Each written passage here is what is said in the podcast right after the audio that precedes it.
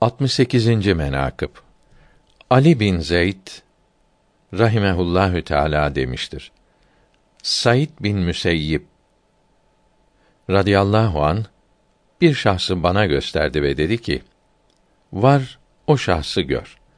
Dedim, halini bana anlat. Benim görmeme ne lüzum var? Bu şahs Osman ve Ali'nin radıyallahu teala anhuma hakkında kötü sözler söyler idi. Ben münacat ettim Allahü Teala'ya ki eğer senin katında Osman'ın ve Ali'nin kıymetleri var ise bana bir nişan göster. Sonra o bedbahtın yüzü siyah oldu.